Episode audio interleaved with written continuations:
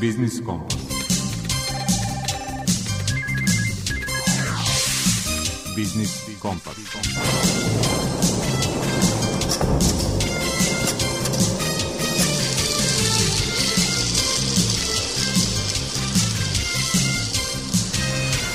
Pred mikrofonom je Đuro Vukelić. Dobar dan poštovani slušalci. Vreme je za Biznis Kompas i najavu sadržaja koji će, verujemo, zadržati vašu pažnju i u narednih 50 minuta ovog pravog zimskog popodneva. Ukratko, u rubrici Aktuelno razgovarat ćemo s urednikom časopisa makroekonomske analize i trendovi Ivanom Nikolićem o rezultatima srpske privrede u prvih 10 meseci ove godine.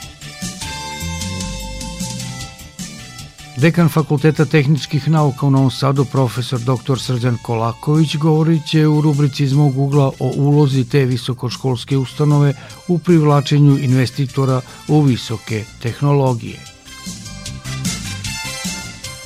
Preduzetnica Elizabeta Stanimirov podelit će s nama svoje poslovne iskustvo u priči koju je za svet preduzetništva ispričala koleginica Eva Tomović. Osiguranje kućnih ljubimaca sve je unosniji posao osiguravajućih kompanija. Pod kojim uslovima to možete da učinite, savjetovaće vas savjetnica za edukaciju korisnika finansijskih usluga u Narodnoj banci Srbije Jelena Popović. U rubrici Potrošačka korpa prava naš saradnik iz Nacionalne organizacije potrošača Srbije Mladen Alfirović govori o novom zakonu o zaštiti potrošača i odredbi koja potrošačima omogućava da spreče telefonska uznemiravanja.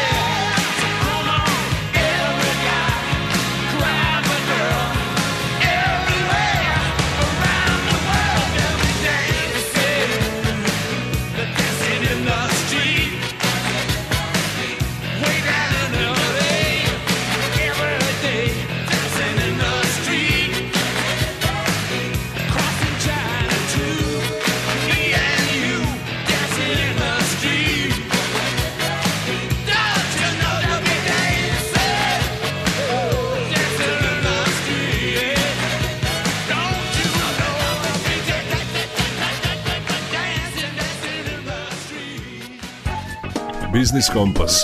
Aktualno.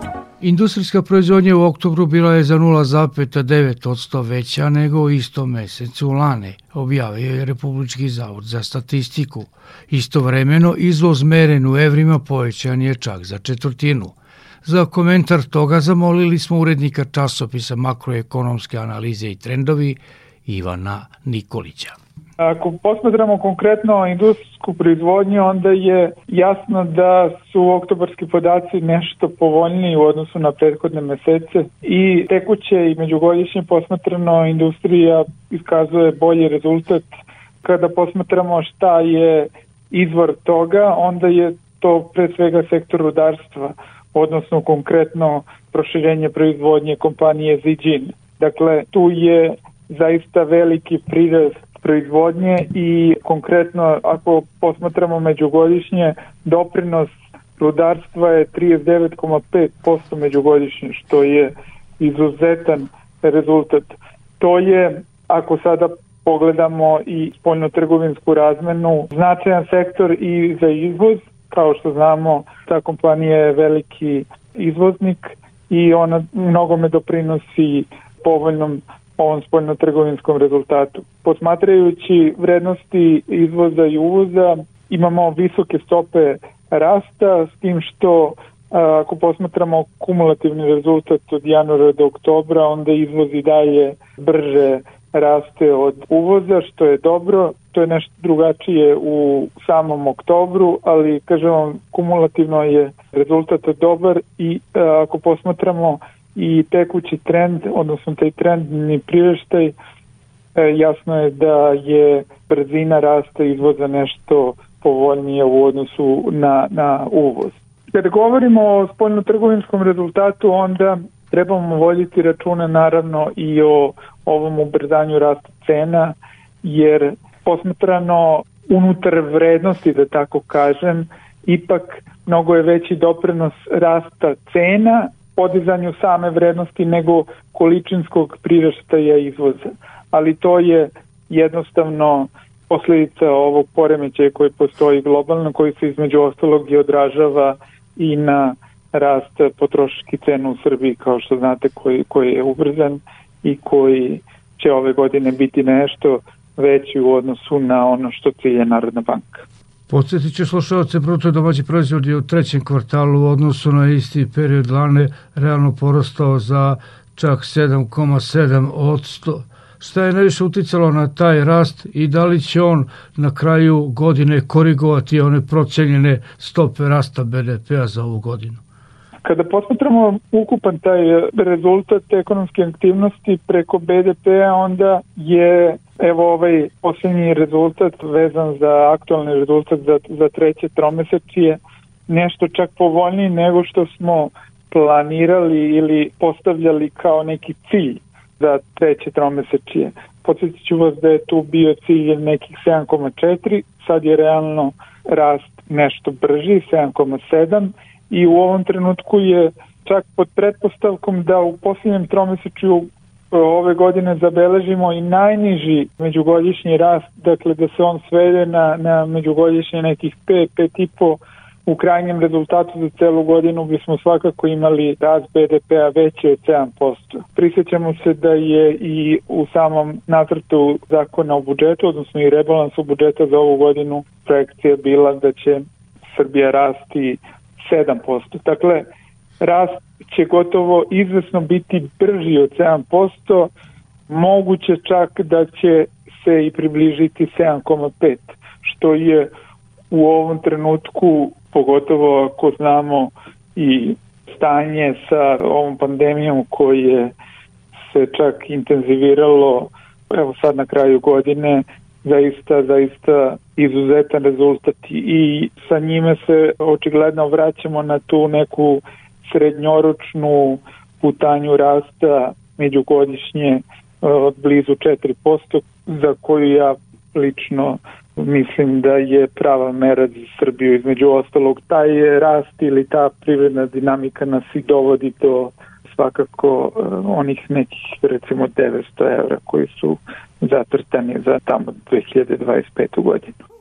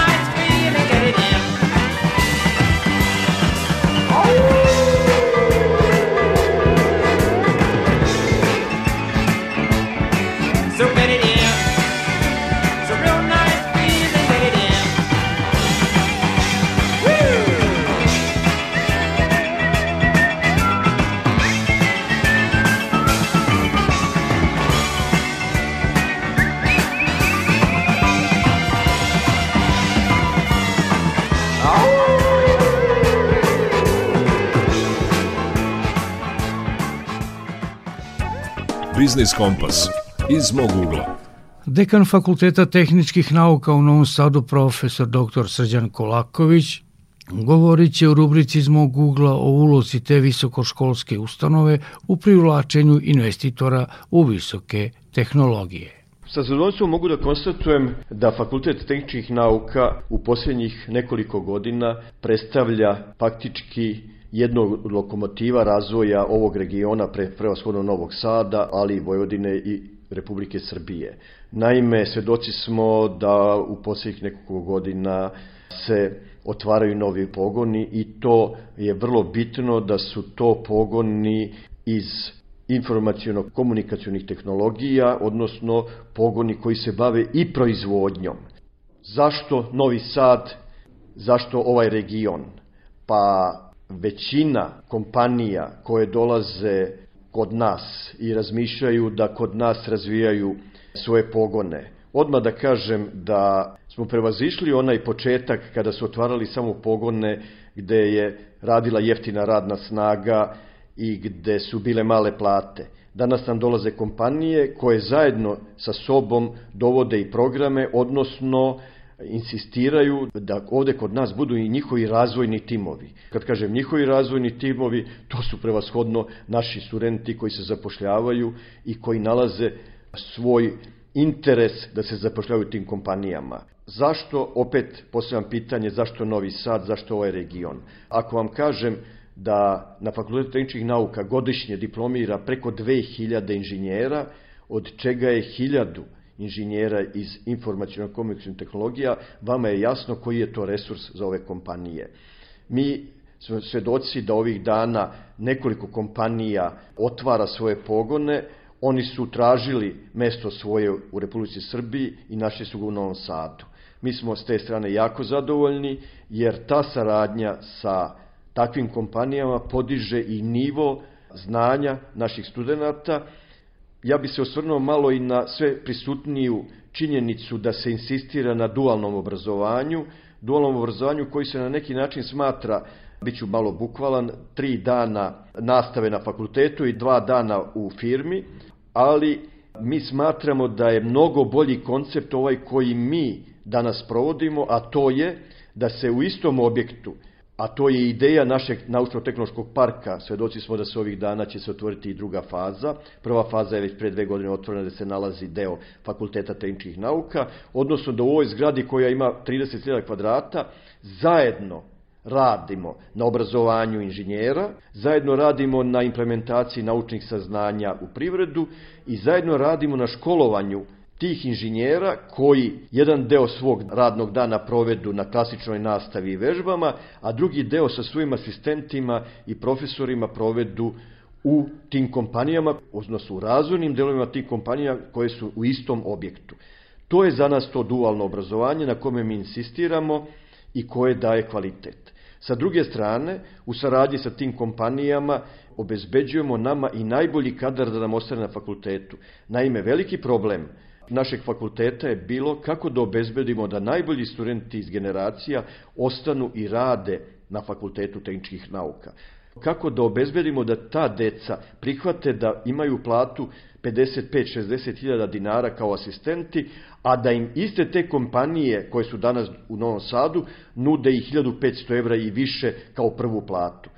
Normalno je. Seli smo sa tim kompanijama, razgovarali vrlo otvoreno, izneli problem i dogovorili se da ti mladi ljudi, kojima prvo moramo obezbediti egzistenciju, moramo im obezbediti da kupe stan, da imaju dovoljno sredstava da žive jedan normalni život ovde kod nas, smo se dogovorili da zajedno, da oni budu, da delimo radni odnos, da zajedno rade na fakultetu i u tim kompanijama, odnosno u toj istom objektu naučnog tehnološkog parka, gde oni sa jedne strane rade u kompanijama i razvijaju proizvode, sa druge strane obezbeđuju da ti naši studenti imaju adekvatno znanje koje je potrebno da bi danas izašli na tržište. Takođe moram istaći da je uspeh Fakulteta tehničkih nauka vezan i zato da naši profesori su stalno u interakciji sa našim kolegama u svetu, gde ta iskustva i savremene tendencije u nauci, u obrazovanju prenose na Fakultet tehničkih nauka.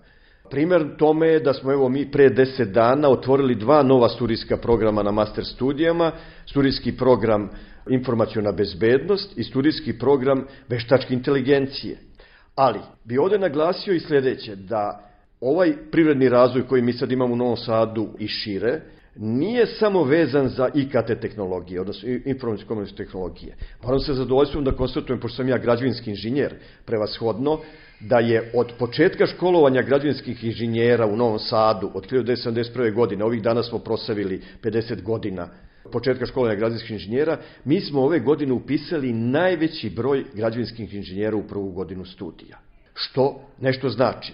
Ne govorimo samo o informacijnim komunikacijnim tehnologijama, sve više se traže mašinski inženjeri, sve se više traže građevinski inženjeri, elektroinženjeri, jer sve to povezano. To je sve povezano, tako da Ove godine Fakultet tehničkih nauka upisao 2650 studenta, odnosno popunio sve svoje kapacitete koje je raspisao. Mi smo jedan od redkih fakulteta koji ne da nije imao opadanje broja upisanih studenta. Mi, mi smo svedoci da sve manje imamo srednjoškolaca. Znamo zašto, bela kuga. Zatim smo svedoci da sve više mladih ljudi odlazi u inostranstvo ali se to, na primjer, na primjeru Fakulteta tehničkih nauka nije pokazalo. Znači, svi programi moraju biti atraktivni, oni koji su zastarali, oni se gase, otvoramo nove studijske programe i to studenti prepoznaju u regionu. Moram reći da na Fakultetu tehničkih nauka jako veliki broj studenta studira i iz Republike Srpske, ali i iz inostranstva krećemo sa jednim vrlo ozbiljnim programom, a to je da privučemo što veći broj stranih studenta. Mislimo da je to takođe jedan od vrlo važnih elemenata rada Fakulteta tehničkih nauka.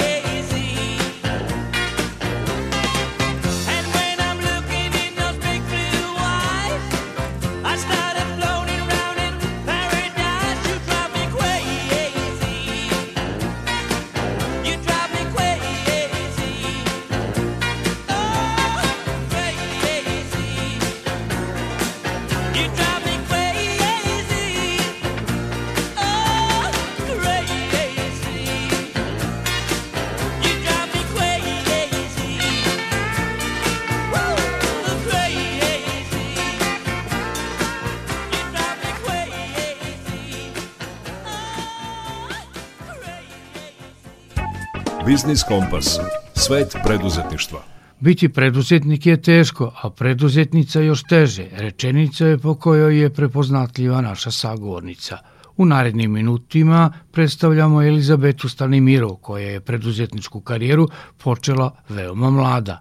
Naime, u 21. godini otvorila je svoju prvu firmu, a danas je vlasnica uspešne konsultantske agencije. Pripremila Eva Tomović. Elizabeta je karijeru gradila najpre u velikoj kompaniji, zatim u nevladinom, potom i u državnom sektoru. Danas je vlasnica firme Jackson and McKinley Business Solutions. Ovu firmu sam otvorila pre tri godine, ali ja sam svoju prvu firmu imala kada sam imala 21 godinu. I naravno da je bilo teško, e, pogotovo što sam ja tada i zasnivala porodicu, imala sam malu bebu i onda je to bilo beba u jednoj ruci, telefon u drugoj, naravno da, da, da je bilo komplikovano. Svako vrijeme nosi neke svoje izazove, ali važno je da se ne odustaje. Edukatorka, savjetnica za lični i profesionalni razvoj, autorka projekata finansiranih nocem evropskih fondova, motivaciona govornica, spisateljica, nesebično deli stečena znanja i iskustva sa svojim klijentima i polaznicima obuka koje organizuje. Posvećena je razvoju ženskog preduzetništva i osnaživanju žena uopšte. Na pitanje kako je biti preduzetnica odgovara. Ja stalno ponavljam nešto, to mi je već postala uzrečica, biti preduzetnik je teško, a biti preduzetnica je još mnogo teže. Pored svih poslovnih prepreka na koje svi nailazimo, mi žene imamo još i dodatne, e, pogotovo ovde u, u ovom našem podneblju, patrijarhalno vaspitanje, ženi je mesto u kuhinji, e, sa svim tim moramo da se izborimo da bismo e, onda još izašli na tržište i tamo se dodatno borili. Elizabeta smatra da je veoma značajno da država prepozna koliko je važno pomoći preduzetnicama. Kako kaže, veoma je značajna i uloga ženskih udruženja, te da je važno da se žene udružuju na svim nivoima.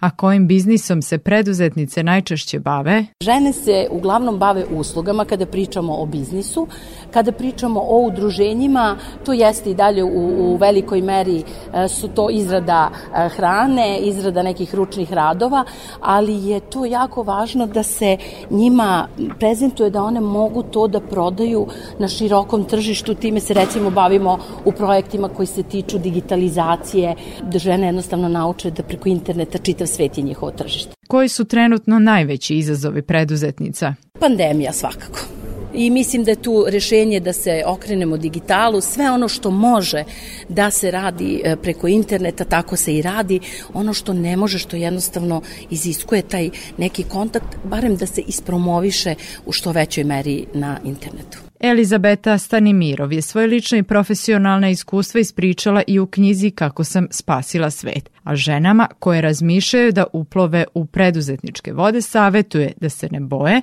nego da biznis pokrenu već danas.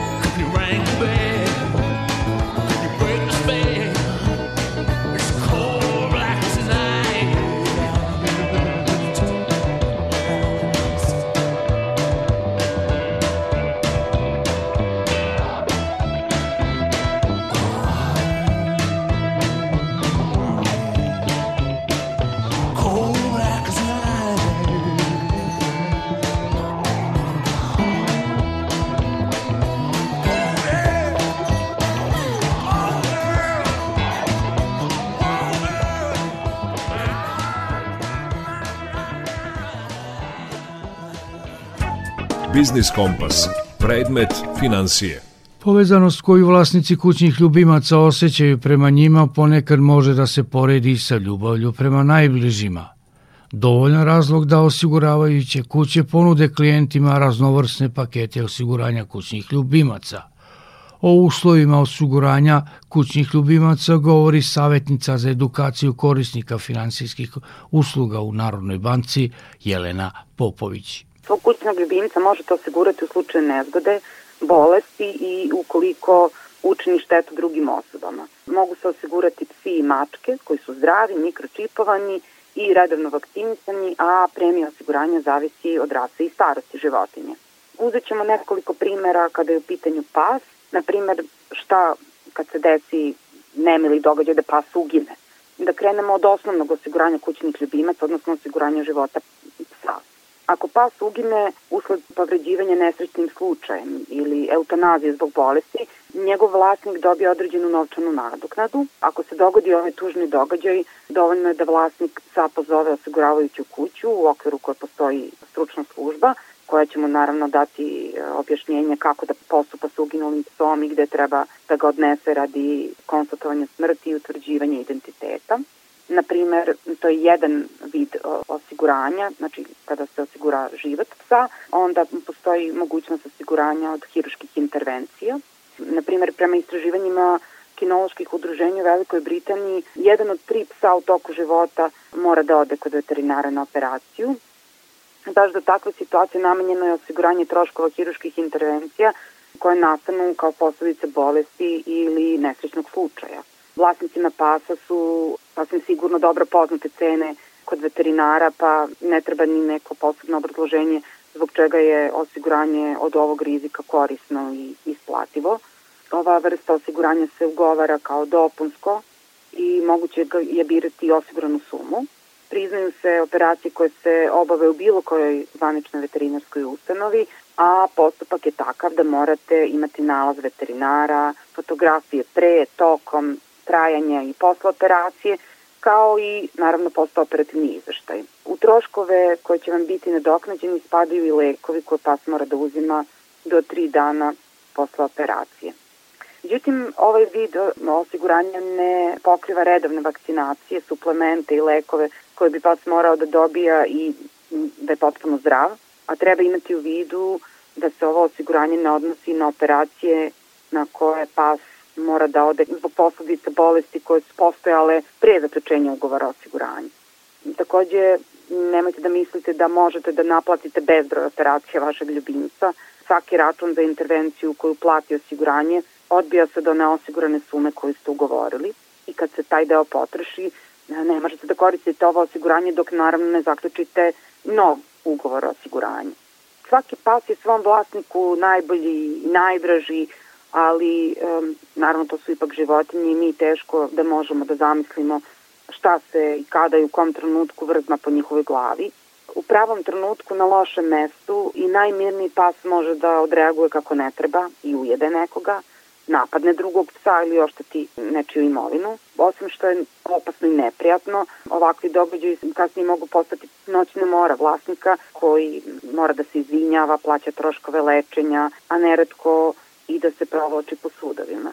Osiguranje odgovornosti vlasnika za materijalnu štetu koju pas pričini drugim ljudima ili njihovoj imovini aktivira se upravo u ovakvoj situaciji i ukoliko dođe do suđenja, osim novčane nadoknade za oštećenog, osiguravajuća kuća može da preuzme savjetovanje vlasnika ili da plati advokata koji će voditi spor pred sudom.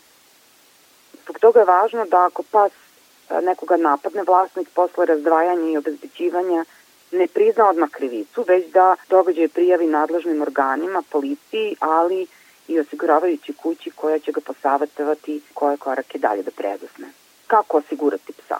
Opšte uslovi koje pas mora da ispunjava u trenutku kada zaključujete ugovor o osiguranju je da bude star između 9 meseci i 8 godina, da bude zdrav, da je vakcinisan protiv parazita, besnila i štenećaka i naravno da ima mikročip. Zapravo sve ono o čemu biste vi svakako trebalo da brinete kao vlasnik. Ukoliko se radi o posebno vrednom psu, osiguranje može da zatraži dodatni pregled kod njihovog veterinara. tim treba napomenuti da osiguranje nije dostupno samo za kuce, već i za lovačke pse, kao i pse koji su obučeni za specijalne radnje i zadatke. Za njih do duše važe posebni uslovi i za zaključivanje ugovora i plaćanje premije odnosi se i na to da se ne osiguravaju od nesreće ili posledice koje nastanu u toku lova ili obavljanja posebnih zadataka. Što se tiče opasnih i agresivnih rasa poput pitbullova ili pitbull terijera, za njih nije moguće ugovoriti osiguranje.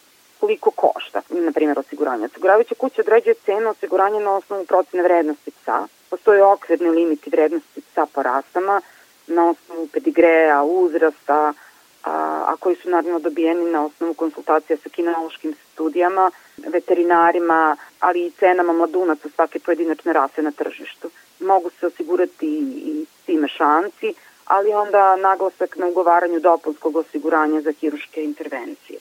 Naravno, cela priča malo znači bez konkretnih brojeva, Navešćemo jedan okvirni primer koji smo dobili od osiguravajuće kuće za retrivera starosti do 5 godina. Ukoliko bi se ugovaralo osiguranje života na sumu od, na primjer, 400 evra, zatim hiruške intervencije u vrednosti od 500 evra i na kraju odgovornost za štetu trećim licima ponovo na 500 evra, godišnja premija bi iznosila oko 75 evra.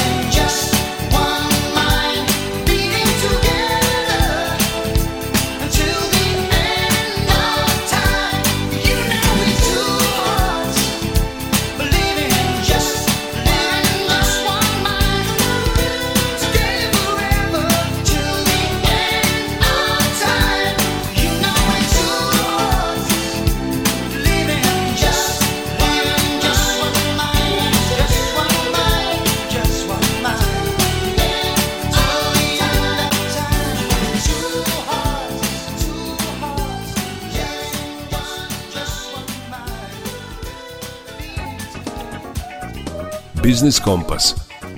Potrošačka korpa prava. Jedna od odredbi novog zakona o zaštiti potrošača koji stupa na snagu 20. ovog meseca odnosi se na stvaranje registra telefonskih brojeva koji oglašivači ili prodavci raznih vrsta neće smeti da pozivaju.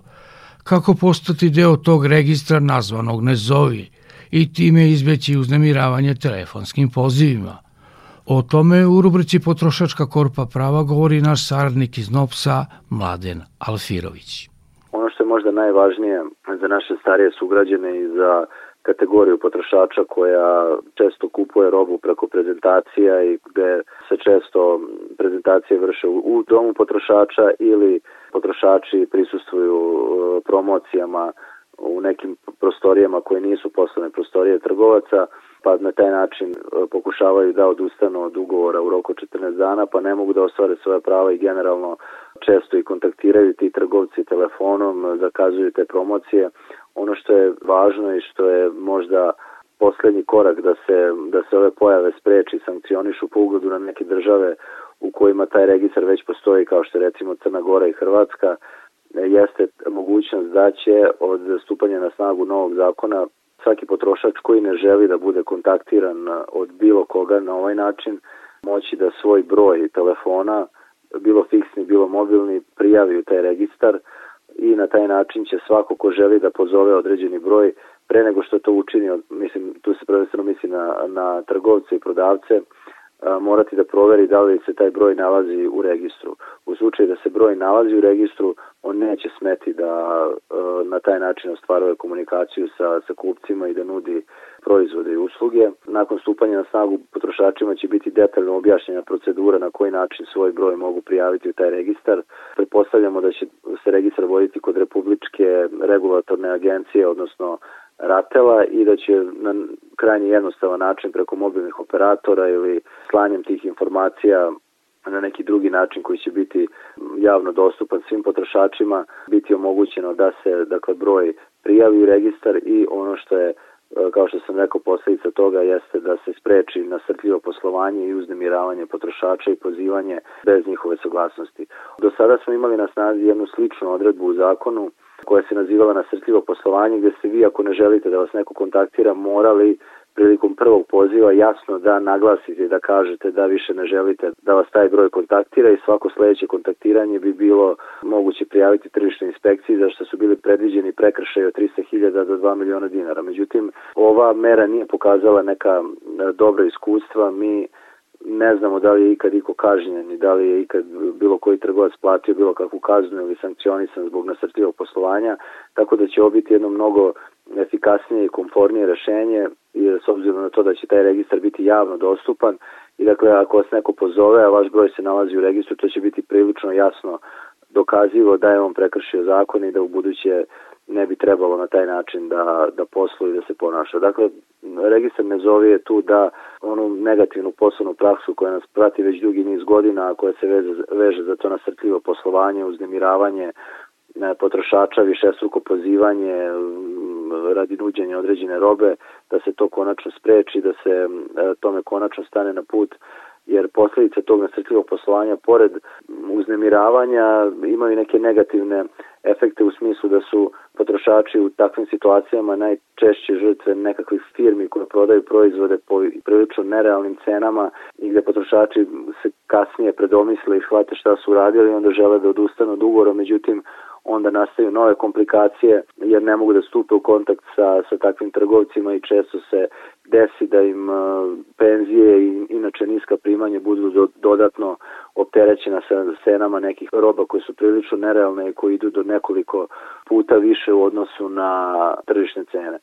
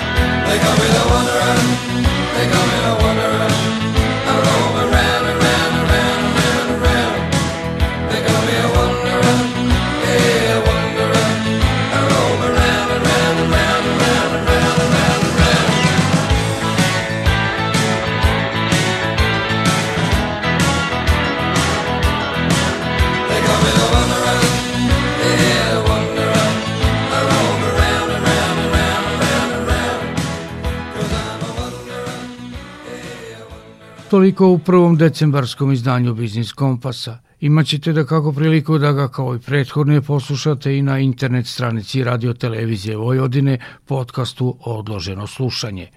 Muzički urednik Zoran Gajinov, ton majstor Violeta Marković i urednik emisije Đuro Vukelić vam žele ugodno posle podne i veče uz program Radio Novog Sada. Zdravi bili i čuvajte se.